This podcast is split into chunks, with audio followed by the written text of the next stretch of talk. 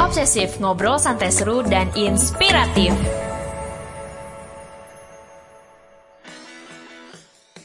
Hai hai hai, halo Sobat Kompas and thank you for joining us in this new episode of Obsessive Ngobrol santai seru dan inspiratif. Bersama aku, Agung yang bakal jadi host kamu di episode kali ini nih.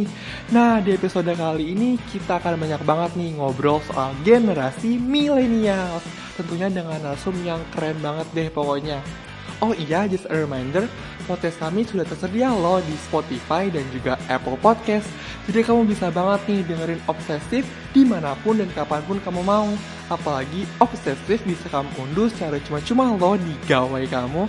So, jangan lupa juga ya untuk subscribe podcast Obsesif. Oke deh, mungkin udah banyak banget nih yang tahu dengan sosok narsum kita yang satu ini.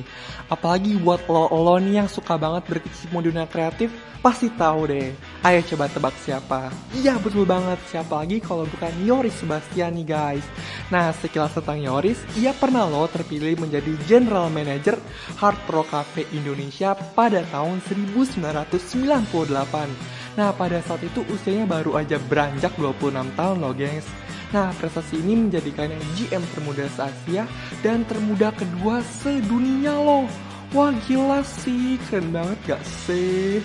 Tapi buat kalian nih yang belum tahu siapa sih sebenarnya pendiri OMG Consulting ini, tenang aja gengs karena di episode podcast kali ini kita bakal ngobrol lebih lanjut untuk mengorek-ngorek siapa sih Niori Sebastian dan bagaimana ya kok dia bisa berhasil menjalankan profesinya sebagai pebisnis sekaligus penulis yang baru aja nerbitin buku nih berjudul Generasi Langgas bersama Dil Amran tentunya dengan konten yang pastinya relevan banget nih sama generasi milenial. Penasaran buat denger lebih lanjut? Apakah kamu salah satu generasi milenials? So, you better stay tune terus ya Sobat Kompas di podcast episode kali ini. Nah, Sobat Kompas, buat kamu-kamu nih yang udah pernah dengerin episode Obsesinya Christopher Tobing, di episode kali ini kita juga akan ngebahas nih lebih dalam lagi mengenai apa sih itu Ikigai dan apa ya kaitannya dengan generasi millennials. Well, dilansir dari Harian Kompas pada 25 Juni 2018, istilah Ikigai ini datang dari bahasa Jepang nih, yang secara sederhana bisa dimaknai sebagai sebuah alasan untuk menikmati hidup. Tapi kita akan ngebahas Ikigai ini nanti ya. Jadi sabar dulu nih gengs. Lalu di episode kali ini kita juga bakal ngebahas topik lain nih yang sering banget ngada generasi millennials. Seperti apa iya ya mereka itu generasi serba cepat atau justru sebenarnya mereka itu generasi serba instan? Nah, kali ini kita juga akan ngebahas tentang stigma-stigma yang sering banget dicap masyarakat ke generasi millennials nih, gengs. Nah, udah siap untuk dengerin episode podcast kali ini lebih lanjut? Karena di episode kali ini, our producer yaitu Suliana Andiko akan langsung mewawancarain Yoris Sebastian lo guys. Penasaran? Penasaran banget kan? Oke deh langsung aja yuk kita simak sesi wawancara mereka. Oke, para pendengar obsesif, sekarang gue udah bareng sama Yoris Sebastian nih. Kita akan wawancara dikit mengenai buku dia yang terbaru, Generasi Lama. Sebenarnya nggak baru-baru amat ya, Yoris. Buku saya yang ke-8, sekarang saya udah punya buku 9. Astaga, sangat-sangat produktif ya. Iya. produktif. Oke, mungkin walaupun udah banyak orang yang tahu soal Yoris Sebastian, mungkin Siap. Yoris bisa ceritain sedikit dong, Yor, sekarang kesibukan lu ngapain sih? Kalau saya selalu membagi kesibukan saya menjadi tiga bagian utama yang saya sebut dengan 70 20 10. Jadi 70% itu adalah pekerjaan yang menghasilkan uang eh, which is itu pekerjaan sebagai konsultan dan 20% juga menghasilkan uang tapi sebenarnya yang 20% ini sifatnya secondary hanya memakan waktu 20% dari kehidupan saya atau bisa dibilang sebulan itu saya hanya 8 kali ngasih seminar atau workshop jadi walaupun yang minta request itu banyak sekali yang mau seminar workshop tetap dibatasi maksimum 8 kali sebulan atau accountable for kurang lebih 20% of my time. Nah yang terakhir 10% itu selalu saya sisihkan waktu untuk membidani atau membuat usaha-usaha baru yang kecil yang modalnya juga kecil tapi besar di kreativitasnya. Contohnya Inspigo. Walaupun sekarang sih Inspigo sudah mulai membesar tapi tadinya Inspigo adalah salah satu produk yang lahir di 10% dari waktu saya sekarang Inspigo udah agak besar mungkin dia udah masuk ke 20 dan 70 persennya saya dan lagian sudah ada CEO-nya gitu kan saya lagi mau bikin satu uh, project baru lagi project uh, olahraga internasional uh, di mana peraturannya akan saya ubah peraturan yang umurnya sudah ratusan tahun Wah, menarik sekali tuh kayaknya. makanya yang kayak gitu-gitu hanya boleh 10% dari waktu kita Oh. karena itu nggak ada duitnya belum tentu berhasil Resiko bisa jadi besar. bisa jadi nggak jadi bikin nah, bayangin kalau kita udah menghabiskan banyak waktu ke sana jadi dia memang mau nggak mau hanya eh, 10% gitu Filosofi yang menarik ya. Tapi kalau boleh cerita sedikit mengenai Inspigo lebih lanjut, sebenarnya apa sih yang membuat lu akhirnya berani terjun ke industri audio experience kayak gitu? Podcast gitu kan itu kan sebenarnya ada something yang unfamiliar Indonesia. Ya, saya memang terkenal selalu eh, bandel, selalu senang membuat sesuatu yang tidak familiar di Indonesia. Oke. walaupun kita juga eh, apa namanya sebagai orang kreatif harus jujur misalnya saya dulu bikin bersama teman-teman eh, rame-rame bikin coworking space yang pertama di Jakarta ya kita bilang sebenarnya kan pilihannya bisa aja kasih nama baru terus bilangnya itu ide kita sendiri. Tapi kita karena itu memang udah ada di luar berdasarkan pengalaman pribadi kalau keluar negeri itu enak banget ya kerja nggak harus di Starbucks gitu. Karena kalau di Starbucks kan ngantri dapetin bukan mesennya ngantri dapetin mejanya susah terus udah dapet meja nggak ada capek. colokannya gitu-gitu kan. Jadi wah kita buka yuk coworking space seperti yang menjamur di luar gitu loh. Selalu senang menjadi pionir untuk sesuatu yang baik untuk Indonesia atau untuk Jakarta khususnya saya tinggal. Nah kalau Inspigo sendiri itu lahirnya juga dari personal. Sebenarnya saya udah eh, waktu ide pertamanya itu mungkin udah satu dekade ya, satu dekade saya jadi pembicara. Mungkin juga karena saya membatasi hanya 8 kali sebulan gitu ya. Tapi eh, saya juga penulis buku, mostly buku saya di Gramedia Pustaka Utama. Eh, cetak ulang terus, saya nggak berani bilang bestseller gitu ya. Kalau penerbit yang nge-stem ya terserah penerbit. Tapi buat saya, saya selalu bilangnya buku saya sering cetak ulang gitu aja. Tapi kalau dihitung-hitung jumlah pembeli buku saya, jumlah peserta seminar saya atau workshop saya, kayaknya belum nyampe sejuta deh. Padahal penduduk Indonesia tuh 200 nah, sekian juta ya kan kayaknya jomplangnya jauh banget jadi kesannya nggak fair sementara dalam 10 tahun saya menulis 10 tahun saya jadi pembicara seminar ataupun workshop hasilnya tuh banyak jadi saya makin pede gitu ya bahwa eh ternyata yang gue omongin ini ada dampaknya ya karena banyak sekali orang-orang yang saya kenal saya ikutin kisahnya maupun yang saya tidak kenal baru ngasih tahu saya kemudian hari karena merasa berterima kasih. Nah, gimana ya caranya inspirasi yang saya bagikan? Kenapa saya bilang inspirasi? Karena saya bukan motivator, ya kan? Menurut saya yang bisa memotivasi orang itu adalah orang itu sendiri. Saya dulu sering pergi seminar bersama tiga orang teman saya. Mereka yang nanya, Riz, kita ikut seminar sama kok hasilnya beda ya. Nah dari situ saya merasa bahwa memang kita nggak bisa mengklaim diri kita sebagai motivator gitu loh. Karena yang bisa memotivasi ya orang itu sendiri gitu. Materi yang sama pesertanya ratusan kok bisa beda-beda hasilnya kan. Nah saya selalu lebih senang ngomong inspirasi dan nah dari situlah baru saya riset sebenarnya platform mana ya yang kira-kira bisa. Walaupun ya lagi-lagi saya memilih platform yang menurut saya sangat Indonesia podcast itu enteng buat handphone-handphone Indonesia. Kemungkinan besar Inspigo di uninstall kecil karena enteng gitu ya. Eh, karena audio doang. Dan yang kedua juga saya mikir eh, waktu itu ada eh, temen yang mau invest di awal ini Inspigo bilang kalau nggak ada video gue nggak mau.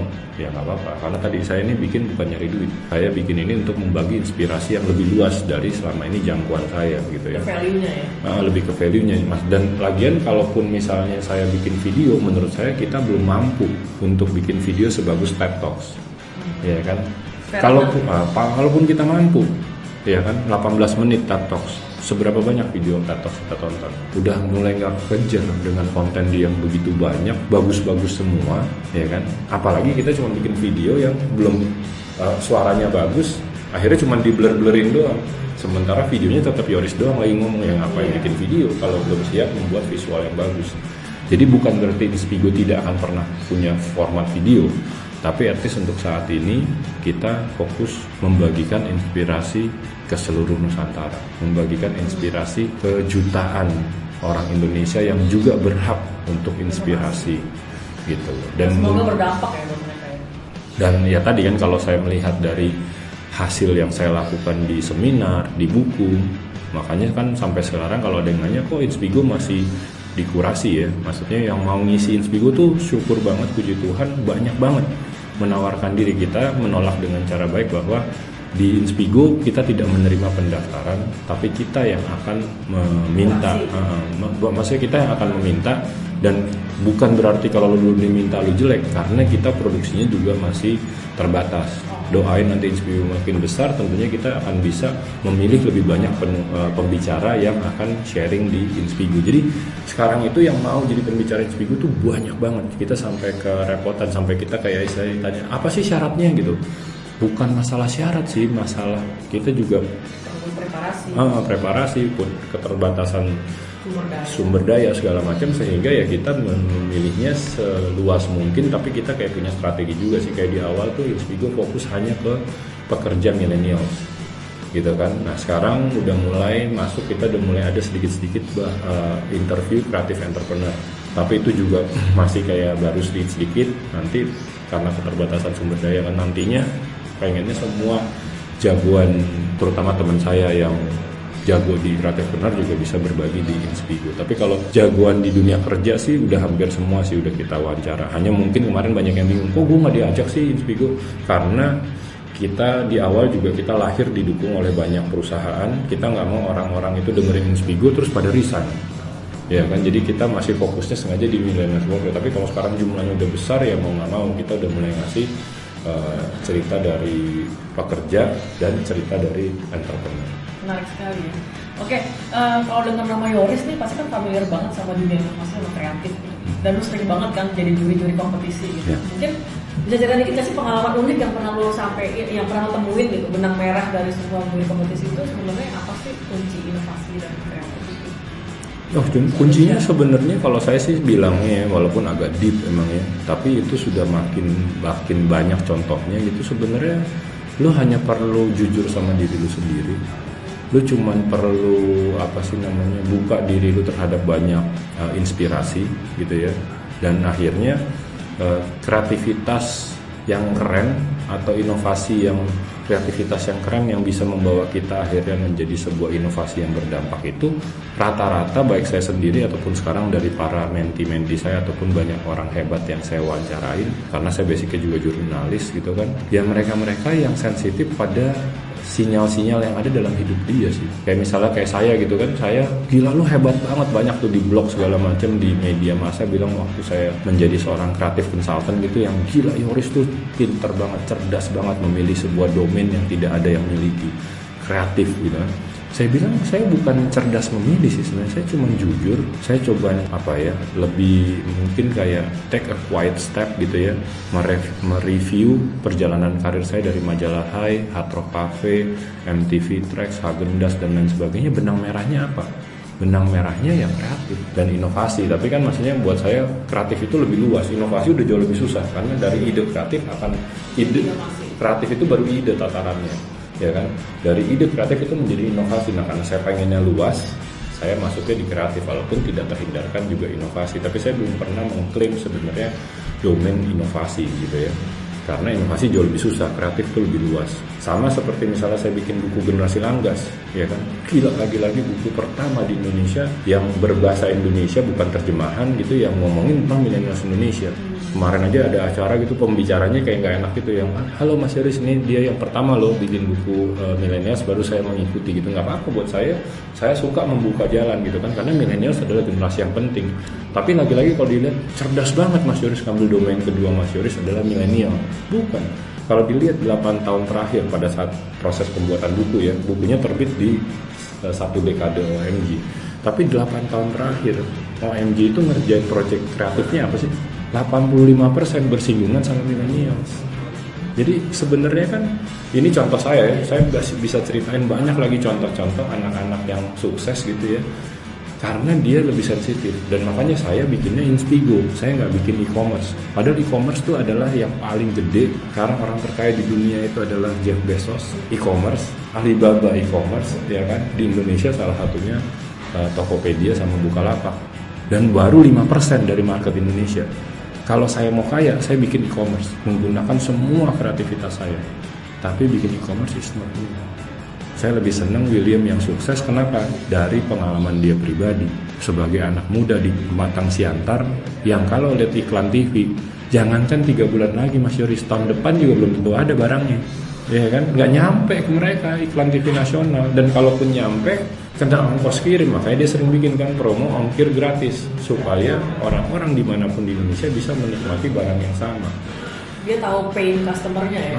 Karena dia sensitif terhadap personal problem dia. Tapi personal problem kita yang kita angkat itu kayak misalnya saya tadi kan setiap saya mengangkat satu hal yang sangat personal itu kalau di quantify bisa jadi gede jangan emang personal dan emang lu doang masalah lu doang ya jangan.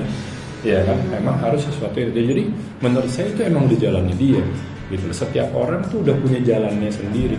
Tinggal lu sensitif nggak menganalisa apa yang terjadi. Atau kalau memang belum ada sinyal-sinyal ya lu harus expose diri lu ke lebih banyak inspirasi Tadi saya baru posting di Instagram penutupan Asian Games seperti biasa.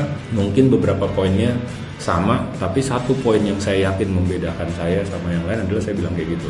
Asian Games ini membuka inspirasi bagi banyak anak-anak kecil di Indonesia gitu ya untuk menjadi atlet.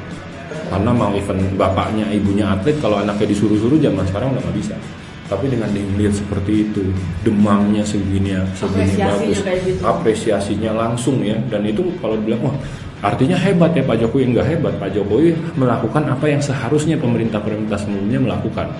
Ya kan? Lu ngasih bonus duitnya emang ada ya kan? Kan nggak pernah negara itu nggak punya uang hanya secuil sebenarnya kan uh, apa namanya kalau hitungan negara ya sekian ratus miliar itu kan untuk hitungan negara yang punya APBN sekian ribu triliun itu kan kecil sebenarnya kan. Nah, kenapa harus lama? Jangan lupa ini generasi milenial, generasi cepat, bukan instan. Ya kan, nah itu ya kan itu akan memberi semangat gitu loh.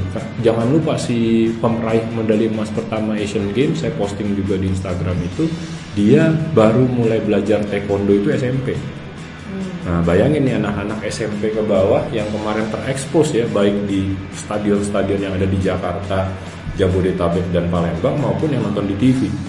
Ini kan berasa kayak saya waktu kecil itu Piala Thomas, ya kan semua anak main badminton. Kalau sekarang kan itu saya Jojo bilang kan ini saya mau membuktikan kepada orang-orang tua yang tidak mengizinkan anaknya menjadi atlet bahwa menjadi atlet itu bisa. Nah, spirit itunya sih yang menurut saya kita harus memaparkan diri kita untuk yang belum tahu ya mau ngapain mau jadi apa tuh kita harus memaparkan diri kita ke banyak inspirasi sehingga akhirnya kita tahu ya. Kita tuh apa? Uh, uh, gitu. Jadi ngerti kan? Kenapa yeah. saya bikin inspigo? Karena itu yoris banget. Dan itu connected dengan semua hal yang saya kerjain seminar workshop apa segala macam. Kalau saya bikin e-commerce bisa sih dengan modal kreativitas saya but it's not me. Jadi jangan bikin sesuatu yang bukan elu. Hanya gara-gara nomor satu dunia iya. orang terkaya di Cina gitu-gitu kan jangan kalau dari buku lu jangan ngikutin tren ya tapi ngikutin passion tetap Nah, di buku buku generasi Langgas juga akhirnya saya udah minta maaf dulu sama Rene dan untungnya kayaknya Rene sekarang uh, domainnya udah bukan passion ya kan. Uh, saya minta maaf dulu saya bilang di salah satu cap, sub chapternya justru do not follow your passion. Hmm. Karena berdasarkan juga ini kan buku Indonesia ya. Jadi saya nggak ngomong millennials di luar ya tapi kalau di Indonesia menurut saya banyak yang terlalu lama menghabiskan waktu untuk mencari passionnya apa? Baru mencari loh. Hmm. belum menekuni loh. Baru explore. Nah, baru explore aja lama. Jadi di buku saya bilang do not follow your passion but start creating yourself. Start creating your ikigai. Hmm. yang saya pelajari di Jepang. Dulu pada saat buku saya terbit belum ada bukunya. Sekarang kayak di tahun depannya gitu ya setelah buku saya keluar di tahun depannya mulai tuh ada buku tentang ikigai walaupun saya waktu itu benar-benar pengalamannya terbatas dari nanya sana sini gitu ya. Literaturnya nggak banyak sekarang sih udah mulai ada bukunya karena kayaknya ikigai jadi ngetop tapi buat saya start creating yourself by answering this four question satu what is your strength? Nah yang pertama malah bukan passion. Kita sering lupa sama kekuatan kita. Kita sering kali menghabiskan terlalu banyak waktu untuk memperbaiki kelemahan kita. Yoris Bastian tuh lemah di daya hafal, makanya nggak pernah ranking satu, nggak pernah punya nilai 100. Karena sistem pendidikan Indonesia, sistem menghafal. Nah, kalau daripada saya meratapi kekurangan saya, mendingan saya explore kekuatan saya apa, salah satunya kreativitas, ya kan? Tapi saya udah tahu, saya harus surrounding by orang-orang yang daya hafalnya kuat, karena saya daya hafalnya nggak kuat. Dan makanya OMG berdiri yang pertama saya hire adalah sekretaris. Buat nyatet-nyatet. Saya itu orangnya lupaan udah janji sama siapa siapa segala macam. Yang kedua baru what do you love? Baru nih masuk. Strength plus love menjadi passion. Tapi itu baru pertanyaan kedua. Nah yang ketiga dunia membutuhkannya. Kalau kita ngomong 10 tahun yang lalu teman saya suka banget lari pengen bikin bisnis clothing dan lain sebagainya. Peralatan lari kayaknya nggak mungkin ya. Tapi kalau sekarang dunia membutuhkannya. Dan yang keempat adalah uang yang dihasilkan pada saat nanti lu jago lu happy. Happy ya. Saya nggak pernah di buku saya mengajarkan untuk orang menjadi kaya atau orang menjadi sukses. Itu not my style. Kalau saya jadi kaya saya jadi sukses puji Tuhan. Tapi saya nggak pernah mengejar kekayaan atau kesuksesan. Yang saya kejar adalah kebahagiaan. Ingat nggak di buku saya yang lama banget yang pertama saya bilang happy nomics. Yang penting happy tapi ada nilai ekonominya yang penting jangan miskin gitu loh. Selama saya ada nilai ekonominya saya bisa hidup yang penting saya happy.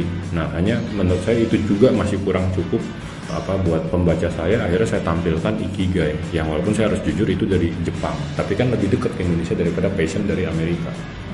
Ya kan? Nah ikigai itu kalau empat pertanyaan itu dijawab harusnya kita bahagia dan kita itu kayak semacam kayak calling kita gitu. Makanya saya jadi pembicara publik nggak jadi guru TK ya kan? Tapi ada yang nanya lagi di seminar ibu-ibu kan. Mas Yuris jadi guru TK nggak bagus? Saya memang mengharapkan pertanyaan itu. Kalau nggak ada yang nanya saya akan jelasin. Bukan berarti jadi guru TK itu bukan sebuah ikigai loh. Tapi yang tidak boleh lu jadi guru terus lu marah-marah. Udah lima tahun jadi guru yang baik kok dapetnya segini-segini aja?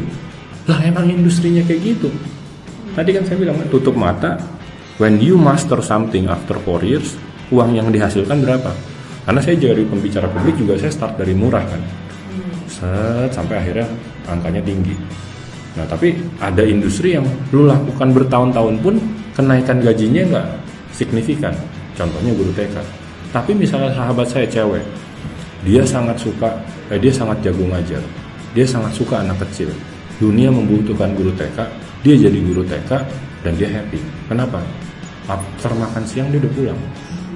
Siap-siap beres-beres di rumah, suaminya balik dan suaminya lah pencari uang utama That's her ikigai. Jadi nggak berarti saya ngomong guru TK tadi terus, wah iya jangan jadi guru ya. Lah enggak tiap orang beda ikigainya. Gitu loh. Tapi jangan lu jadi guru terus lu marah-marah ya kan setelah lima tahun jadi guru.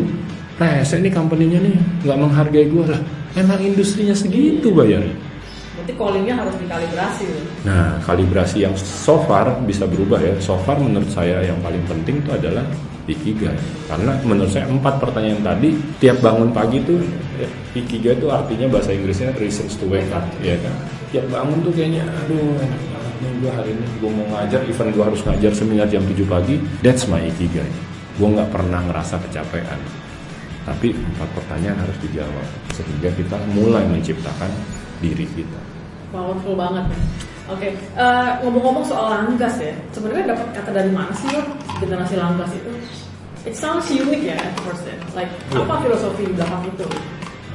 Eh, Langgas diambil dari Kamus Besar Bahasa Indonesia, artinya bebas tidak terikat pada sesuatu.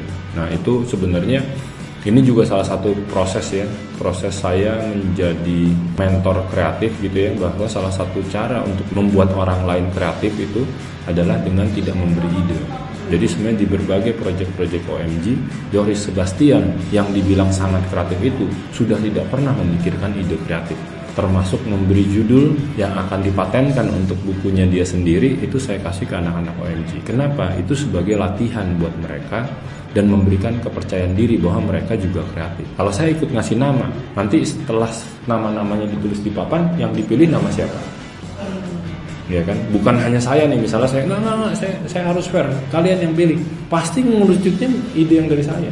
Tapi mereka ngeliat ke saya gitu ya, Mas Yuris nggak ngasih ide, enggak. This is your chance and your name will be on the book. Bahwa nama ini diusulkan oleh dia, ya kan. Tapi tadi setelah namanya banyak dan itu ada prosesnya namanya iteration workshop.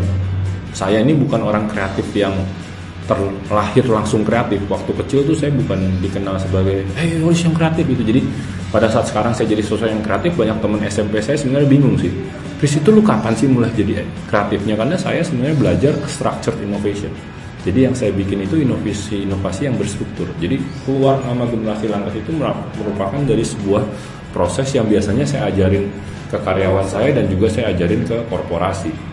Mau ke TV, mau ke media, ke mana-mana lah. Semua semua itu tuh sebenarnya dia punya tools untuk melakukan itu. Apa pun bisa gitu kan nah termasuk mencari nama judul buku. Karena menurut saya walaupun Gen Y ini udah kebanyakan nama ya satu-satunya generasi yang punya dua nama itu dia Gen Y dan Millennials. Makanya saya lebih setuju uh, walaupun banyak pemilihan tahun yang berbeda, saya lebih setuju yang bilang Millennials itu 80 ke 2000.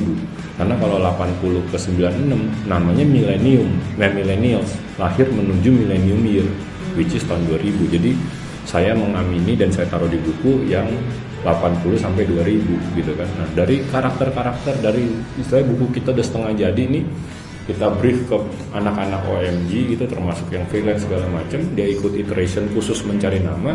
Nongol lah beberapa nama. Saya pilih tiga yang terbaik. Saya usulkan ke Kementerian Hukum dan HAM. Dari tiga nama cuma dua yang dapat paten. Jadi sebenarnya di tangan saya itu sekarang ada dua nama. Generasi langgas dan generasi titik-titik. Yang belum tahu kapan akan saya pakai dan kadang-kadang akhirnya saya tidak pakai tapi biasanya saya sih dari dua nama atau tiga nama misalnya tiga tiga dapat paten itu tiga tiga saya patenin dulu. Nanti abis itu saya mikir lagi lebih dalam lagi mana yang nama paling bagus dan menurut saya generasi Langgas itu rhyme-nya bagus juga sama millennials generasi millennials generasi Langgas, generasi millennials Indonesia. Jadi itu mengalahkan nama satu yang sebenarnya artinya juga mirip sesuai dengan karakter millennials Indonesia. Malah mungkin lebih mirip si nama yang itu, tapi rhyme-nya nggak enak, terus juga ada banyak pertimbangan lah. Tapi tiga pemberi nama itu tiga-tiganya orangnya beda. Gitu loh. Tiga-tiganya tuh tim saya gitu ya dan tadi maksudnya kepercayaan diri dia meningkat pesat. Salah satunya di project generasi langgas saya ada banyak project kreatif itu adalah project untuk membuat tim saya itu confidence level karena sebenarnya kekuatannya Yoris apa sih confidence levelnya udah tinggi ya tadi mau bikin ajang olahraga tingkat dunia peraturannya mau saya ubah itu kan perlu tingkat confidence level yang tinggi. Lu siapa? Gitu loh kan. Pernah main olahraga itu? Enggak.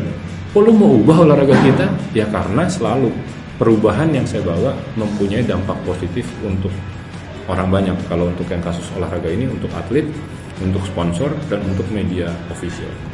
Kalau dia mengizinkan saya melakukan itu di Jakarta atau Bali tiga pihak ini akan diuntungkan dengan sistem saya yang baru walaupun sistem itu mohon maaf mengubah sistem yang umurnya sudah ratusan tahun.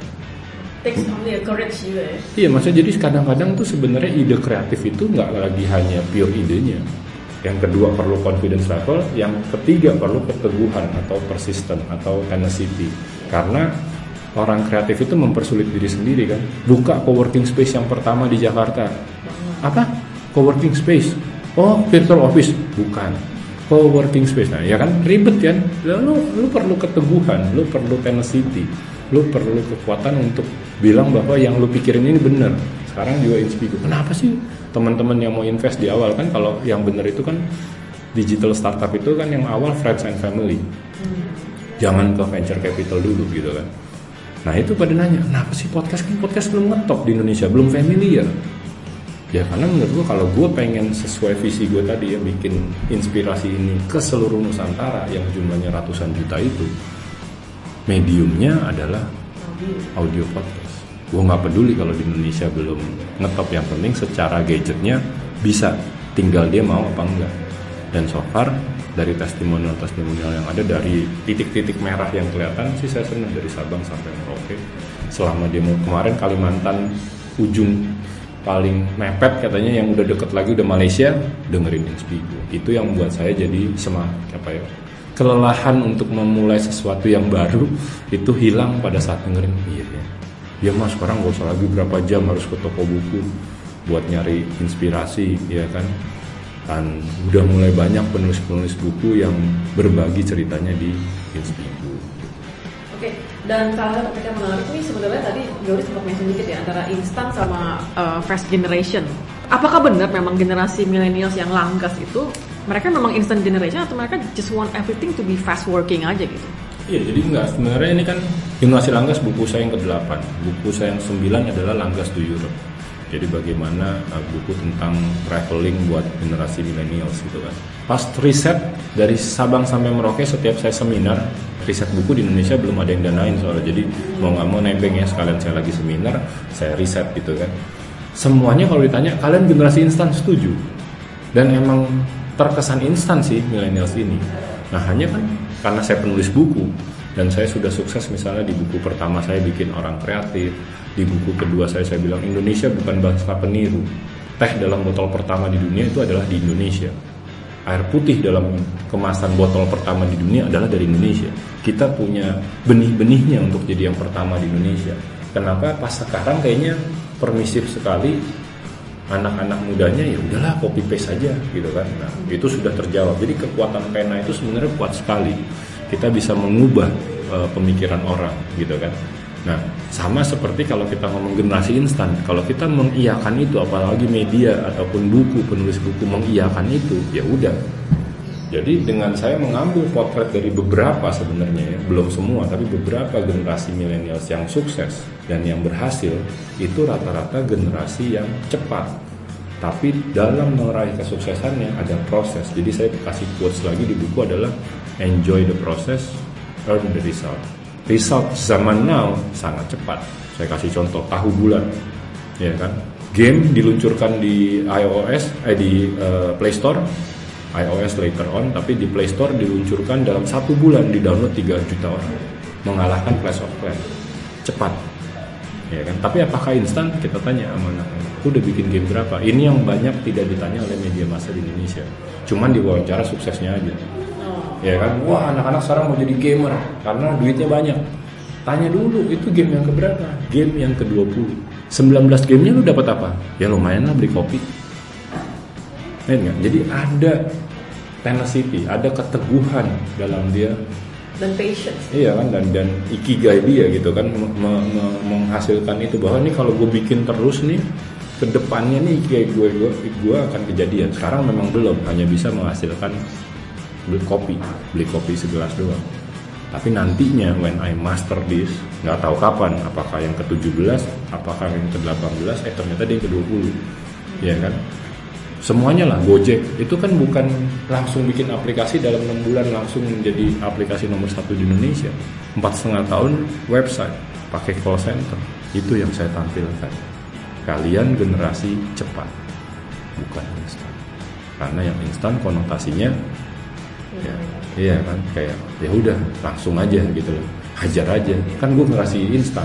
Sampai nah, yang ada perhitungan ya? Ya kalau kita penulis buku aja udah mengiyakan mereka aja generasi instan makanya banyak yang nanya kan Mas Yoris sebenarnya nggak setuju jadinya Mas Simon Sinek ya? Setuju.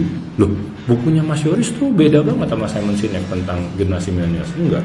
Bilang gue ngambil sisi positifnya sehingga berharap 84 juta milenials Indonesia akan ngikutin buku gue tapi saat ini 84 juta milenials Indonesia kebanyakan yang masih kayak Simon Sinek bilang, ya kan? Bikin tugas kampus, lihat dari internet, ubah warnanya dikit. Jadi amati, tiru, modifikasi dikit banget. Karena generasi digital, ya kan? Nah, justru di buku kita sampai terserah, itu pilihan lu, lu mau bikin kayak gitu atau enggak. Tapi kalau yang sukses sih, mereka yang amati, tiru, and make significantly different. Nah itu kita balikin ke dia. Kalau sama sini kan ngambil jelek-jeleknya, Yoris ngambil positif-positifnya. Gak ada yang salah sama dua-dua ini. Cuman gaya aja, angle-nya aja. Angle aja. Kalau saya angle-nya pengen mengubah yang negatif itu jadi positif. Kalau lo pengen ngikutin yang ada di buku gue gitu. Oke, dalam pembahasan topik mengenai soal efisiensi, dijelasin bahwa generasi langgas tuh suka banget minta contoh kalau mengerjain sendiri. Terus sebenarnya gimana sih hal tersebut bisa membantu mereka atau malah is it a good thing or not? Karena kan tadi lu sempat jelasin kalau di OMG kan lu udah jarang tuh ngasih ide, ngasih contoh gitu. Oh, enggak. Jadi salah. Jadi gini. Uh, dan inilah kejujuran seorang Yoris Sebastian. Di buku saya yang kreatif-kreatif itu saya selalu secara tidak sadar saya curcol. Hmm. Kenapa ya? Generasi muda sekarang disuruh apa-apa minta contoh. Hmm. Gitu kan. Tapi kalau ditanya di uh, pada saat saya sebagai penulis buku milenial, saya kan harus riset. Saya bukan sebagai atasan. Saya nanya sama milenial milenial, kenapa sih kalian nih kayak satu generasi loh, bukan hanya satu dua orang, satu generasi. kalau disuruh bikin sesuatu minta contoh. Nah dia nyeritain dari angle dia. Sejak itu di OMG berubah. Sejak itu saya selalu ngasih contoh. Jadi kenapa? Misalnya gini ya Mas Yoris ya. Suruh kerjain. Nih kamu kerjain itu contohnya mana? Udah kerjain aja Senin depan kasih saya ya. Kamu belajar nanti dari prosesnya ya kan? Minggu depan datang nih Mas Yoris hasilnya. Cuman dua detik biasanya bos. Salah. Harusnya begini begini begini. Nah buat milenials itu tidak efisien. Kenapa nggak minggu lalu terus hari Senin dikasih tugas, dikasih contohnya, dikasih tips supaya nggak salah, tapi dikasih tahu lu bikin yang beda. Sama kayak di OMG, gue kasih contohnya, gue beliin buku The Best Hotel dua tahun terakhir di Bali segala macam kasih data-datanya, gue nggak akan suka kalau kayak gini, kalau lu kasih ide kayak gini tuh nggak bisa jalan segala macam, lu kasih gue ide yang lain. Walaupun kalau di OMG lebih susah kan, mas di buku dua tahun terakhir The Best Hotel and Villa di Bali itu kayaknya semua konsep udah ada di situ. Itulah kenapa kita dibayar mahal sama klien. Kita harus menghasilkan sesuatu yang tidak ada di buku karena kalau ada di buku namanya makelar ilmu. Lu baca bukunya terus lu tawarin ke klien. Kalau kita nggak kita benar-benar ngelakuin iteration tadi dan gue kasih contohnya gue kasih tipsnya. Tapi next week you have to come up kayak tadi kalau dengar kan nanya mas jadi milenial gini ini itu lagi nanya tuh lagi agak bingung gitu. Karena lu boleh ini yang lu jangan lakukan adalah kasih tahu jawabannya. Jadi lu ngasih koridornya ya? iya kasih karena bener itu nggak efisien generasi X generasi saya ini yang sebenarnya nggak efisien kan? Dikasih kerjaan. Emang bener-bener nggak tahu aja gengsi mau nanya. Ah malu nih kalau gue nanya ntar bos gue juga lagi kalau nanya lu gue gaji mahal-mahal kalau nanya mulu buat apaan? Ya udahlah kita kerjain sendiri. Tapi itu sebenarnya nggak efisien banget apalagi di era digital zaman sekarang. Itu sangat tidak efisien ngasih orang kerjaan kasih lewat satu minggu datang hanya untuk dua detik disalah-salahin doang. Belajarnya di mana? Yang hal itu sebenarnya bisa dicegah seminggu sebelumnya gitu kan? Iya. Dan tadi seminggu kemudian lo akan mendapatkan hasil yang jauh lebih baik. Jadi buat gue selalu gitu ada banyak sekali perbedaan cara berpikir millennials dan generasi X. Karena sekarang di kantor cuma ada dua generasi by the way. Baby boomer sudah pensiun, kecuali dia masih perpanjang ya. Dia udah usia pensiun tapi dia masih eh, kerja kan ada juga. Gitu. Tapi mostly bisa dibilang sekarang antara X dan Y. Nah, buat saya generasi X, kalau kalian bisa memahami generasi yang besar ini, the biggest demografi di Indonesia and also in the world saat ini, lo akan sukses. Tahun depan baru generasi Z melewati, baik di Indonesia maupun di dunia. Jumlahnya dilewatin. So, generasi Z tahun depan adalah the biggest demografi. Tapi sampai sekarang podcast ini direkam, generasi millennials masih adalah generasi terbesar di Indonesia dan mereka adalah 50% dari usia produktif di Indonesia. Oke, sekarang kan uh, generasi langkas ini ikut terpapar sama countless opportunities ya, in order for them to develop. Mau belajar skill apa, tinggal YouTube. Mau belajar course apa, tinggal cari course uh, free online gitu. Lalu sikap apa sih sebenarnya yang bisa menjadi pembeda mereka dalam meramu kebebasan akses ini? Gitu? Apa yang mereka perlu kembangin sih sikapnya? Bukan sikap sih ya, sebenarnya buat saya ya tadi lagi-lagi belajar dari teman-teman mereka yang berhasil, ya kan. Ernest Prakasa, mantan anak buah saya di salah satu company saya dulu. Ya tadi, emang gak ada sekolahnya dis di Indonesia. Ya gue belajar otodidak.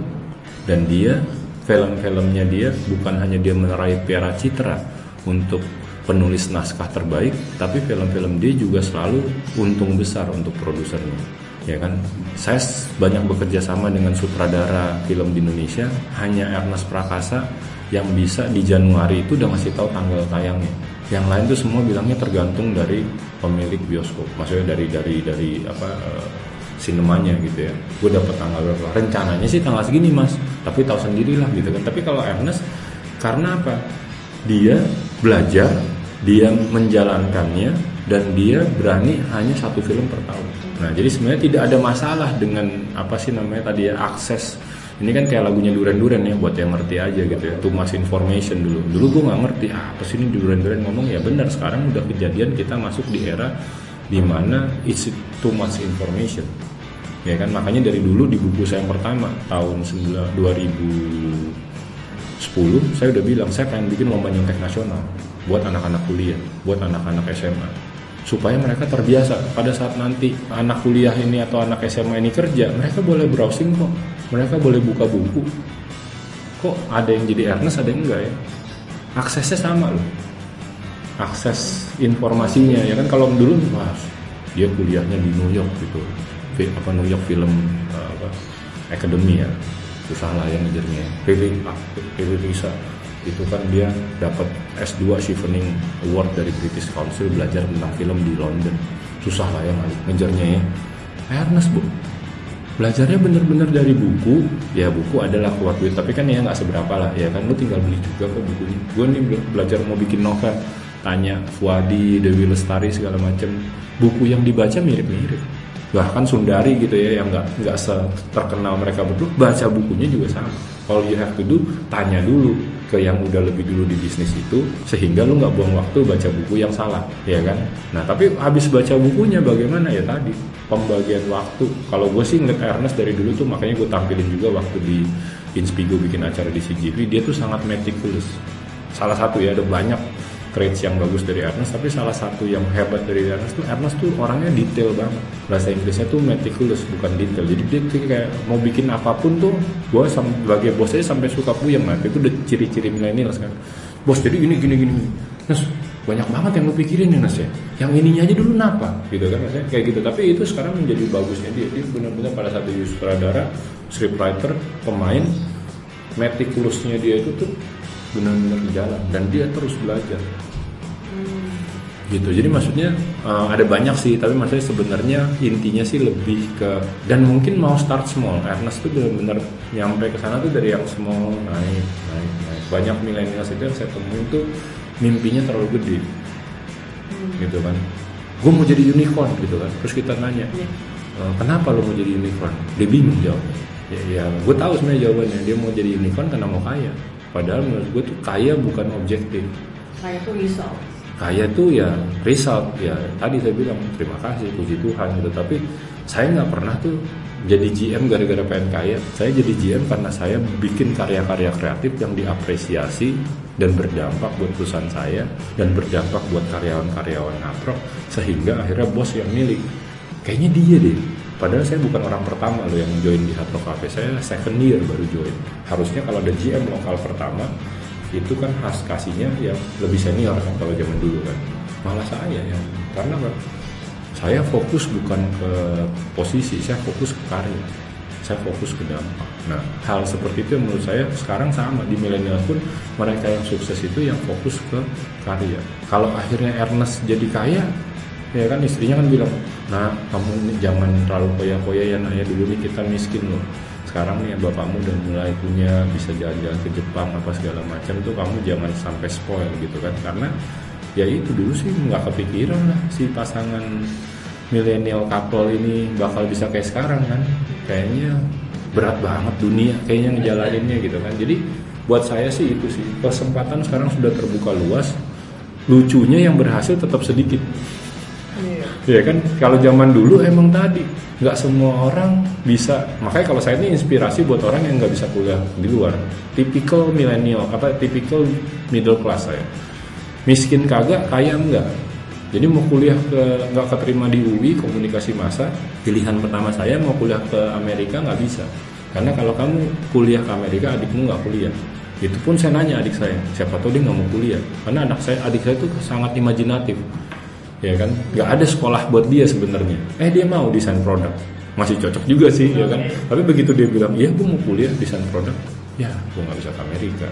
Karena beda setahun kan saya sama dia. Jadi ya udahlah gue kuliah di Indonesia aja. Tapi eh, istilahnya tetap bisa berhasil juga gitu ya. Tapi maksudnya banyak dulu kita dikalahkan oleh yang kayak gitu-gitu. Kalau sekarang even lu mau apa kuliah online di MIT bisa lu mau belajar jadi startup digital di Stanford secara online materinya materi Stanford bisa. Jadi nggak ada lagi kayak zaman dulu gitu kan yang saya nanti akan tulis di novel gitu bahwa saya tuh kecewa banget nggak bisa sekolah komunikasi massa di San Diego gitu loh. Karena buat saya tuh sebenarnya itu adalah pilihan nomor satu saya bukan accounting. Accounting itu pilihan kedua. Karena dan saya pilih accounting bukan disuruh orang tua ya karena saya bendahara osis. Jadi orang kan mikir kan jadi Mas Yoris emang suka akuntan akunting? Emang suka? Bedanya saya sudah bilang ke orang tua saya karena ini juga bukan pilihan orang tua saya jangan salah tangkap ya saya nggak akan jadi accountant. Saya cuma mau belajar ilmu keuangan karena saya gagal nih belajar komunikasi massa. Waktu itu adanya hanya di UI doang di era saya nah kenapa saya eh, apa namanya jadi pemilihan jurusan kuliah pun itu sebenarnya jujur sama diri kita gitu kan. Yoris itu apa sih? Ya tadi karena udah kerja di majalah Hai ya salah satu yang cocok ya komunikasi massa. Karena saya lihatnya memang lebih ke sana bukan ke jurnalisnya gitu kan. Terus ah, nggak keterima ya accounting karena apa? Bendahara osis dulu eh, SMA PL itu satu-satunya SMA demokratis yang mana kita bisa memilih ketua OSIS kita sendiri. Keempat-empatnya secara aklamasi belum ketahuan siapa yang menang udah bilang bendahara kita Yoris ya.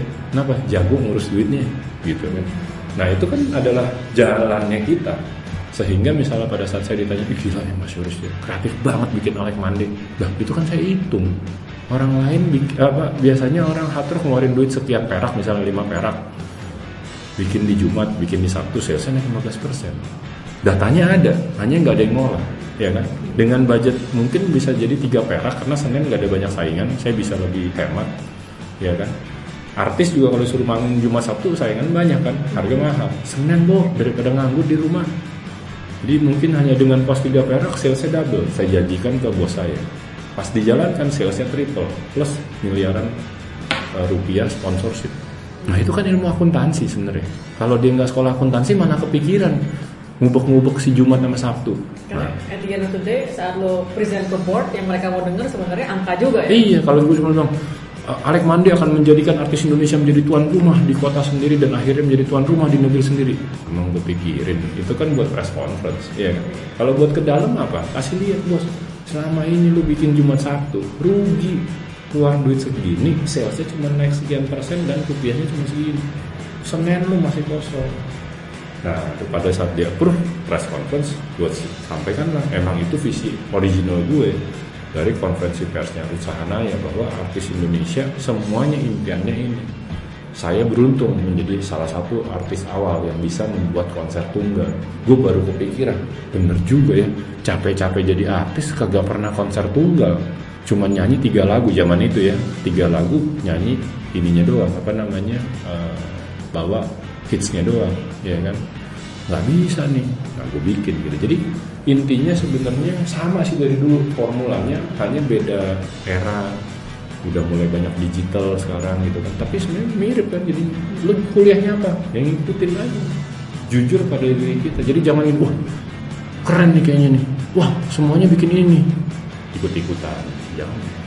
Terus dulu di buku generasi Langgas juga dijelasin kalau ciri khas milenial itu sebenarnya ada di kolektivitas communities dan, customization. Itu gimana sih sebenarnya kerja tiga elemen itu? Hubungannya gimana gitu? ya kayak tadi kan misalnya balik lagi eh, Inspigo gitu loh. Kenapa sih dia perlu dikasih inspirasinya on demand? Karena dia pengen customization. Walaupun gue tahu gue penulis buku nasi langgas gue nggak bisa nebak. Sekarang aja gue kaget yang beberapa hal ketebak satu hal yang gak ketebak. Millennials demen banget mindfulness gue bingung gue bilang apa segitu beratnya kerja sekarang ya sampai konten yang dulu? Segitu stresnya ya hidupnya. Iya makanya konten istilahnya ini temen gue zaman dulu ya jauh sih junior gue gitu ya maksudnya jauh gitu tapi dari dulu dia fokus ke mindfulness sekarang baru menuai hasil nih. Karena kalau dulu sih nggak terlalu laku ya. Nah sekarang dan sekarang digital jadinya kan walaupun tuh orang mungkin nggak terkenal karena Inspigo punya akses digital kita bisa lihat mana yang paling sering didengerin salah satunya tuh ya adalah mindfulness nih. Jadi akhirnya kita lagi mau nyiapin nih beberapa materi. Mindfulness itu kita belajar dari ini kan dari customization ya kan? Dari kita punya produk tapi gimana bisa di mass customization gitu tas celana apa semuanya kan lebih seneng kalau dia bisa mass customization. Merahnya gue ganti deh sama biru misalnya. Itu kan tiap orang senangnya beda-beda.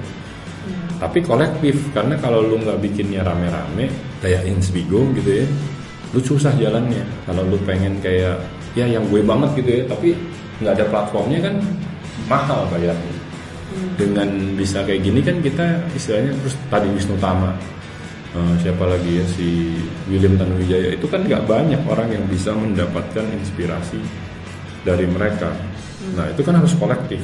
Dengan cara kolektif terus brand yang ini komunitas gue yang datengin Wisnu Tama yang lain bisa dengerin juga.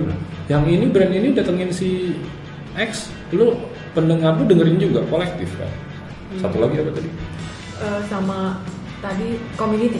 Nah iya kan, dan emang larinya ke komunitas gitu loh. Nantinya yang kayak tadi saya bilang, nantinya sih saya bermimpi komunitas Makassar, komunitas Surabaya punya konten di Inspigo bahasanya bahasa lokal. Yoris Bastian nggak ngerti nggak apa, yang penting nih orang bener, nggak mungkin dia ngomong ngaco-ngaco, ya kan? Tapi community itu harus dijalankan bener-bener, bukan hanya dibilang eh gue main community nih gitu kan. Tapi akhirnya community itu hanya sebagai barang dagangan. Kalau saya benar-benar di berbagai eh, kesempatan melihat bahwa kalau kita main komunitasnya benar wah milenials itu sangat loyal. Kan banyak juga yang bilang milenials nggak loyal. Nah sebenarnya enggak saya bilang. Sebenarnya dia nggak loyal karena akhirnya dia sadar oh gue cuma diperalat gitu. Orang bilang gue membantu komunitas ini. Milenials tuh sebenarnya lebih outspoken karena reformasi kan di buku Munasi Langkah saya sampaikan. Itu bedanya milenials Indonesia sama di luar. Di luar nggak ada buku di luar negeri milenials yang bahas soal generasi X tuh sebel sama milenials karena sopan santunnya kurang. Sebenarnya bukan sopan santun. Mendadak dunia mereka waktu itu kelas 3 SMA ke bawah mendadak tidak ada sensorship sehingga ngomong nyablak aja. Saya datang nih ke daerah ya sama satu brand gitu ya saya nggak bisa sebutin di sini. Ngajarin entrepreneurship. Tahu nggak saya bilang Mas Yoris ini datangnya sekali doang kan? Ya yang sama brand ini iya. Nanti kan kalau ada brand lain saya datang lagi. Enggak tapi mana bisa mas? Acara sekali gini saya langsung bisa jadi entrepreneur. Ngerti nggak? Jadi bilangnya lu mau bantuin community padahal enggak. Lu pengen branding. Nah itu yang harus diubah karena millennials pinter. Kalau generasi X ya syukur mas ya brand ini udah bawa datengin mas Yoris ke kota saya ya. Makasih. Kalau millennials makasihnya ke Yoris. Karena mau setelah acara tetap kontek-kontekan. Karena kalau cuma dalam waktu setengah hari ngajarin entrepreneur nggak bisa. Ada yang bisa ada yang enggak gitu. Ya kan? Tapi mostly nggak bisa. Jadi diterusin lah itu mentoringnya.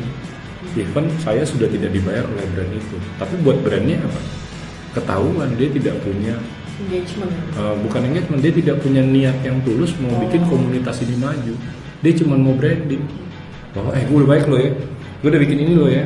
Uh, lo sukses nggak sukses gue nggak nggak jahat juga. Tapi hal-hal kayak gitu tuh kespotted sama millennials. Jadi community itu penting sekali tapi lo harus bener-bener. Kayak kemarin misalnya di Samarinda tuh saya seneng banget si Alamanda bikin meetup.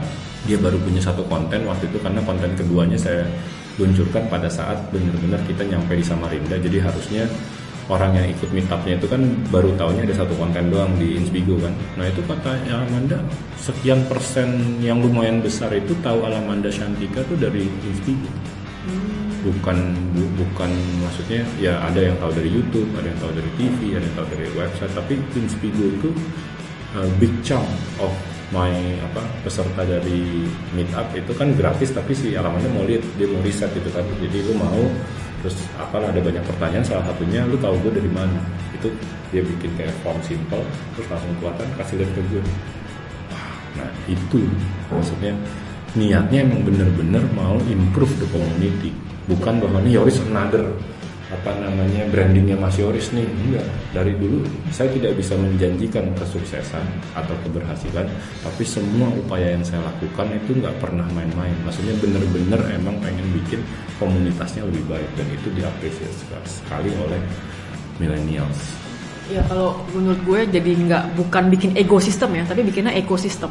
And millennials will notice that gitu. ya will notice that dan dia akan dia akan akan jadi evangelisnya kita Eh, nih ya mungkin sharing dikit nih Yor sebagai praktisi HR dulunya nih eh, ini topik mengenai yang lo mention di buku tuh soal high confidence ya.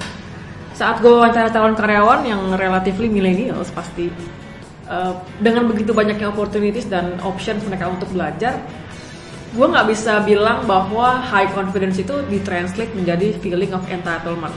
Jadi eh, gue udah lulus dari university prestigious, IPK gue tinggi, so gue saat itu di- diminta estimasi gaji yang diminta berapa? 10 juta. Padahal mereka masih fresh graduate. Emang sih mereka involved in a lot of organization activities. They probably have won a lot of competition. Tapi buat HR itu kan sometimes nggak otomatis ditranslate bahwa lu tuh punya hands-on experience dalam pekerjaan. Jadi kadang-kadang gue menemukan fresh grade yang eh, pokoknya gue mau gaji 10 juta gitu.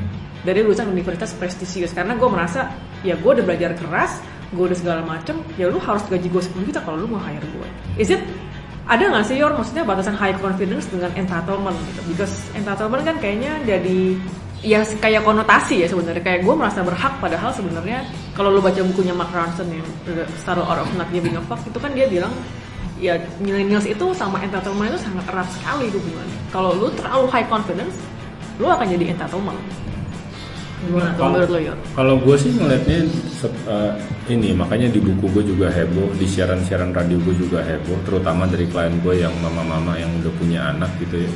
Kalau gue sebenarnya tidak berani masuk ke angka karena angka itu ada juga company-company gokil yang fresh graduate-nya malah dikasih jauh di atas itu. Tapi tadi chance lo untuk masuk 0,03. Nah, tapi karena dia di otaknya dia ngarep yang itu kan, pas dia nggak keterima, ke semua company diturunin dikit sebenarnya angkanya, tapi udah keburu tinggi karena ada sekian company yang emang karyawannya sedikit, tapi dikasihnya gede, gitu loh. Nah, tapi yang lebih bahaya lagi sebenarnya buat gua adalah nantinya kan sebenarnya balik-baliknya akan dilihat hasilnya.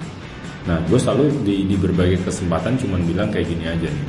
Kita ngambil dari sudut pandang HR ya. Tadi masih ngomong S1, gue ngomong S2. Karena ini juga gue lihat banyak sekali millennials Oh. yang S1 langsung S2. Ya kan? Gue bilang mohon maaf nih, gue cuman mau membantu untuk yang belum nyampe ke tahapan itu.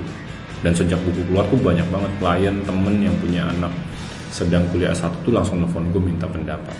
Karena gue bilang gini, yang kayak tadi Suli bilang bener banget. Jadi jangankan S1 ya, umur 24 tahun. HR director punya dua pilihan gitu ya. Satu anak S1 plus S2 ya kan, fresh graduate versus S1 plus 2 tahun kerja dengan gaji yang sama. Jadi gaji itu soalnya beda-beda tiap company kan. Jadi gue lebih baik tidak ngomongin gajinya tapi ngomong tentang opportunity-nya. Di company yang keren, ya kan. Jadi gue nanya dari yang company keren sampai yang biasa karena angkat lagi-lagi tergantung lu jualan apa segala macam kan. Sekarang lu startup aja ngasih gaji gila-gila gitu ya. Nah jadi intinya tapi gitu HR director dari berbagai industri yang berbeda gue tanya karena gue sering ketemu mereka lu pilih yang mana? Jawabannya setelah iklan berikut ini. Wah pada heboh kan setelah iklan gue kasih tahu jawabannya. Jawabannya mereka pilih yang S1 plus 2 tahun padahal secara normalnya adalah gue udah kuliah S2 gue udah keluar duit mahal lu harus hargain dong lah lo harus har- company harus hargain kerja keras lo atau hargain dampak yang akan lo hasilkan Nah, jadi gue bilang sebenarnya nggak ada yang salah juga sama S1 langsung S2, tapi S2-nya yang unik dong. Jangan S2-nya yang itu-itu lagi, oversupply. Kampus kan nggak mikirin demand and supply. Nah, kalau lu misalnya kayak sahabat gue kuliah di Manchester University, jurusan Innovation Management, kan masih jarang kan? Langsung diterima sama Gojek, ngerti nggak? Tapi kalau lu kuliahnya mau ada kata di mana gitu yang tempatnya mentereng jur apa kuliah apa universitasnya mentereng jurusannya itu itu lagi. Tidak ada specificness gitu ya sehingga dampak yang akan lo hasilkan kalau gue kasih lu mahal atau nggak gue kasih angka yang sama aja tapi lu mengalahkan yang orang punya pengalaman kerja itu aja sih yang harus dipikirin oleh si millennialsnya. Karena jangan lu ambil S2 hanya karena kata orang tua mumpung pakai mami bisa kamu kuliah sekarang lah nah, nanti takutnya berapa tahun lagi nggak bisa ya tabung aja dulu duitnya kalau mumpung papi mami bisa Iya kan? Karena lu juga akan lebih ngerti. Gue berapa kali maksa, misalnya supplier kaos gue gitu loh. S1 pedagang ngangkat sendiri sukses jadi pedagang di Hard Rock gitu kan. Ambil di S2. Lu bakal keren. Bener karena di usia dia misalnya 35 tahun gitu ngambil S2 tapi kan pengalaman kerjanya panjang nih. Tiba-tiba ngelihat bisnis itu yang bener ya. Nah itu bermanfaat ke bisnis dia, bermanfaat ke sekarang dia kuliahin anaknya satu ke jurusan logistik. Kenapa? Gak mungkin lah suruh bikin kaos-kaos lagi Riz Karena zaman sekarang Ke depannya tuh kuncinya apa? Logistik kan? Cara berpikirnya jadi beda Karena bapaknya S2 Tapi kalau lu baru S1 aja masih dunia teori Dikasih lagi dunia teori lagi Plus teorinya itu yang udah banyak yang tahu Ya kalah. Jadi tadi jurusan yang unik-unik Tourism Development. Nah itu pernah dituliskan di Kompas Plus itu jurusan-jurusan yang menurut gua nggak apa-apa. Kalau lu S1 langsung tembak langsung S2 tapi kalau jurusannya ngerti dong ya kan? Jurusan yang itu. gitu. nah yang itu itu lagi. Ya jangan salahin HR directornya kalau nggak mau mikirin perjuangan lu IP lu segala macem gitu kan yang gue pikirin kan dampak buat perusahaan gue kalaupun ada tadi MT MT yang gajinya gede buat fresh graduate itu jumlahnya kecil sekali dan persaingannya untuk mau masuk ke situ tuh tinggi sekali. Kita harus realistis ngomong ke pekerjaan yang umum. Kalau itu ada soalnya kalau kita ngomong angka ya ada yang angkanya jauh lebih gede. Tapi tadi 0,03 persen chance untuk diterima. Berarti ini sebenarnya dengan kata lain millennials dan generasi langgas ini juga harus lower their expectation atau manage their expectation mungkin ya. Kalau gue bilangnya di berbagai kesempatan ketemu mereka dan sekarang makin banyak perusahaan itu yang bikin dua sesi. Satu sesi buat leadersnya, walaupun di leaders kadang-kadang nyelip di millennials awal, sama sesi buat new fresh uh, hire gitu ya. Fresh hire juga gokil tuh. Ternyata rentang umurnya bisa lima tahun. Gue pikir namanya fresh graduate tuh cuman beda satu dua tahun gitu ternyata sekarang panjang karena kan ada S1 S2 tuh dimasukin di di batch yang sama gitu kan nah apa gue cuma bilang gini fokus ke dampak. Jangan fokus ke pengorbanan lu. Jangan fokus bahwa ya gila lu sekarang kan gue buat dugem berapa? Gue buat ini berapa? Lah emang perusahaan mikirin. Lu fokus ke dampak apalagi kalian berada di era yang terbaik. Di era ini kalau lu berdampak perusahaan akan sadis. Meng, meng- apa sih mengapresiasinya udah terbukti kok di mana-mana. Sekarang pemimpin tuh nggak harus yang udah sekian lama kerja karena loyalitasnya doang harus dua prestasi plus adalah berapa tahun kerja. Naik posisinya kenapa? Ya eranya kalau bisa sekarang kenapa harus nunggu tua jadi pemimpin? Gue membukanya dengan usia 26 tahun jadi GM Hatro diteruskan Billy Boon usia 26 tahun jadi GM Oakley se-Indonesia ya kan? Gue GM Rock Cafe Jakarta doang loh tapi itu kan beda tahunnya membeli banyak. Terus Junas jadi GM-nya Prambors Jakarta atau Prambors Indonesia gue lupa di usia 29 tahun. Gunawan IBM 35 tahun jadi CEO IBM Indonesia. The youngest in the IBM Indonesia history. Itunya udah kebuka ya kan? Tapi kenapa orang-orang ini dapat karena berprestasi. Pikirin dampak perusahaan jangan mikirin itu kan. Oh, gua mampu nih gua dugem nih kalau gajinya segini. Lah emang perusahaan mikirin? Ya, ya mungkin lu salah apply ke perusahaan yang tidak mampu gitu kan. Lu cari perusahaan yang mampu. Tapi ngerti kan? Jadi ya makanya paling enak ikigai tadi gitu loh. Lu harus lihat sebelum mendaftar bahkan sebelum milih jurusan kuliah lu udah lihat ikigainya cocok nggak nih? Ya kan? Karena kalau lu masuk ke company yang emang dia nggak mampu bayar lu marah-marah ya dulunya lu lu sebenarnya kan. Company-nya rugi satu lagi terakhir ya bisa di Google. Gue sih dengernya langsung dari orang Google tapi kalau nggak salah sekarang materi udah ada di internet. Google bahkan specifically ya bikin percentage bikin kuota. Kan dia kan orang data ya kan? Dia bikin kuota sekarang sekian persen buat S2 sekian persen buat S1 sekian persen untuk non S1 karena dibilang we need all this kind of people. Udah nggak zaman menurut Google. Google tuh ada Google sama EY kalau nggak salah di Amerika itu udah tidak mencantumkan kalau agama kan emang nggak boleh. Agama sama umur itu udah nggak boleh. Di Jenis CV. kelamin juga nggak boleh. Nah, jenis kelamin udah nggak boleh ya kan? Nah ditambahin ini belum belum jadi common practice ya tapi dimulai oleh Google sama EY kalau nggak salah. Itu sudah tidak nanya eh, lulusan. Terus panik dong perut apa university di Amerika panik kan? Ah, anjir itu nggak boleh gitu dong ada lo enggak bukan kan pas interview lo harus cara ngomong lu menunjukkan bahwa lu S1 cara ngomong lu harus menunjukkan S2 gue nggak mau bias bahwa gue harus menerima ini nanti pas sudah shortlisted baru dilihat dan dia punya kuota karena dia bikin kayak gitu dia punya kuota bahwa yang tidak S1 hasil kerjanya banyak yang bagus sekali karena punya drive untuk bekerja jauh lebih tinggi untuk pekerjaan-pekerjaan yang tidak membutuhkan apa eh, background S1-nya ya. Qualification. Ah, yang saya banyak kan yang di mana-mana lah. Kemarin barusan ngomong di perusahaan teks aja gitu kan. Pak, itu kan Bapak ngambil jurusan S1, jurusan teks loh, bukan hanya accounting ya. Pas masuk training lagi nggak? Training lah mas. Hah? Jadi yang diajarin di kampus itu ya cuman sebagai dasar. Pas masuk jadi tax consultant kita ya diajarin dari nol lagi. Ngerti nggak? Jadi Iya kan tapi ya lo harus punya passing grade lah. Jadi justru ya tes karakter buat gue akhirnya di ke depan lebih penting.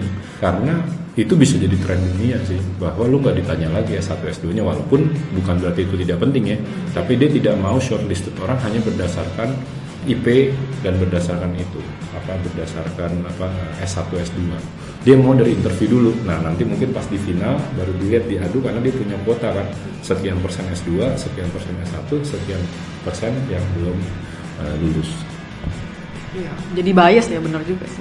Oke, uh, kita wrap up sedikit nih, uh, Yoris. Mungkin ada pesan-pesan terakhir nggak? Ini panjang banget kita ngobrol ternyata, nggak berasa banget.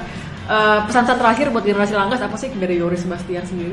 Iya, kalau buat saya sih gitu ya, sayang banget. Saya Yoris Sebastian, saya generasi X. Uh, kalian berada di era yang benar-benar begitu enak, begitu banyak opportunity, begitu banyak kesempatan untuk belajar dan lain sebagainya. Sayang sekali kalau kalian tidak memulai dari sekarang untuk mulai ciptakan dirimu. Mulai uh, start creating yourself dengan menjawab empat pertanyaan dari IKG tadi. Buku apa sih yang lu rekomend buat mereka? Wah banyak banget ya. Buku itu ya gue pusing sih. Walaupun sekarang kalian lagi-lagi enak zaman dulu saya harus bekerja di majalah Hai supaya bisa baca buku gratis. Kalau sekarang sebenarnya kalian banyak sekali aksesnya kan bisa langganan digital aja. Kan sekarang udah mulai ada juga gitu ya. Lu cuman kalau nggak salah uh, bisa baca semua tapi lu nggak usah punya bukunya gitu-gitu kan. Jadi uh, banyak sekali sih. Buat buat gua sih uh, millennials itu ya tergantung balik lagi sama kayak orang nanya gini Mas Yuris gimana caranya saya jadi suka baca buku ya? Karena kan saya ini bukan tipe yang suka baca buku. Sama saya juga dulu nggak suka baca buku. Pengalaman baca buku saya yang menyenangkan itu baca Tintin baca Lucky Luke gitu kan cerita bergambar gitu. Tapi kenapa akhirnya saya baca buku non fiksi karena saya baca yang saya perlu. Termasuk saya baca buku bagaimana menjadi pemimpin di usia muda. Karena pas saya jadi GM 26 tahun tuh waktu itu belum ada buku lokalnya kan Nah gimana gitu loh. Sama sekarang misalnya saya jadi orang tua gitu loh. Saya gimana nih melahirkan seorang generasi Z gitu kan. Ya baca buku, browsing dan lain sebagainya. Maksud saya jadi buku itu saya nggak berani rekomend satu buku gitu ya apalagi millennials nih tadi customization ya kan tapi bacalah buku yang benar-benar lu perlu sehingga lu akan cepet ngerasa dampaknya akhirnya lu ketagihan baca buku kayak Yoris Bastian saya sampai sekarang banyak buku digital karena lebih kepraktisannya tapi kalau bukunya bagus banget somehow saya tetap koleksi taruh di rumah saya yang udah kayak perpustakaan itu. Oke thank you banget Yoris sudah mau meluangkan waktunya. Jangan ke mana-mana dulu ya Sobat Kompas. Habis ini kita akan wrap up some key points yang bisa kalian ambil dari wawancara kami. Stay tune terus. Thank you Yoris. Have a nice day. Terima kasih. Jadi, udah denger kan barusan sesi wawancara bersama Yoris Sebastian yang keren banget dan inspiratif banget gak sih? Nah sekarang aku ingin ngerangkum nih karena ada beberapa poin menarik yang mungkin Sobat Kompas bisa ambil. Pertama, jika ingin membuat sesuatu, do not follow your passion ya gengs. Jangan terlalu lama nih untuk kamu-kamu mencari apa yang kira-kira passion dalam hidup kamu, but start creating yourself and ikigai now with these four questions. Pertama, what is your strength? Kedua, what do you love? Ketiga, kira-kira dunia membutuhkan hal yang ingin kamu buat atau tidak ya? Yang keempat, apa nih tujuan kamu membuat hal tersebut? Yang pasti tujuannya jangan untuk uang atau untuk jadi kaya ya. Yang penting kita harus happy dan juga punya nilai ekonomis. Oke deh, poin yang kedua adalah generasi milenial itu adalah generasi cepat, bukan generasi instan. Jadi wajar banget nih kalau generasi milenial banyak banget yang suka minta contoh supaya mereka kerjanya nggak dua kali. Karena mereka ingin enjoy the process dan juga earn the result dengan lebih cepat. Poin yang ketiga adalah di era digital ini, akses informasi sudah sangat terbuka luas nih untuk kita gengs. Jadi jika ingin sukses, kita harus pintar dan berani untuk belajar dari banyak mentor, buku-buku, atau dari orang-orang yang sudah terlebih dahulu sukses di bidangnya. Gimana? Inspiring banget gak sih episode kali ini? Nah, kalau kalian mau tahu lebih lengkapnya, kalian mending langsung aja nih cus ke toko buku terdekat dan beli deh buku Generasi Langgas karena I'm sure you will be pleased dengan buku ini nih gengs. Duh, nggak berasa ya udah mau berakhir aja nih episode podcast kali ini.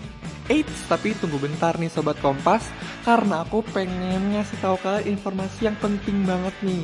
Aku mau ngasih tahu kalau harian Kompas sekarang udah bisa kamu unduh loh di iOS dan juga Play Store dan bisa kamu akses di website kompas.id. Jangan lupa ya untuk dicobain, biar kamu bisa terus up to date nih mengenai berita-berita terkini yang mendalam dan juga pastinya akurat no hoax.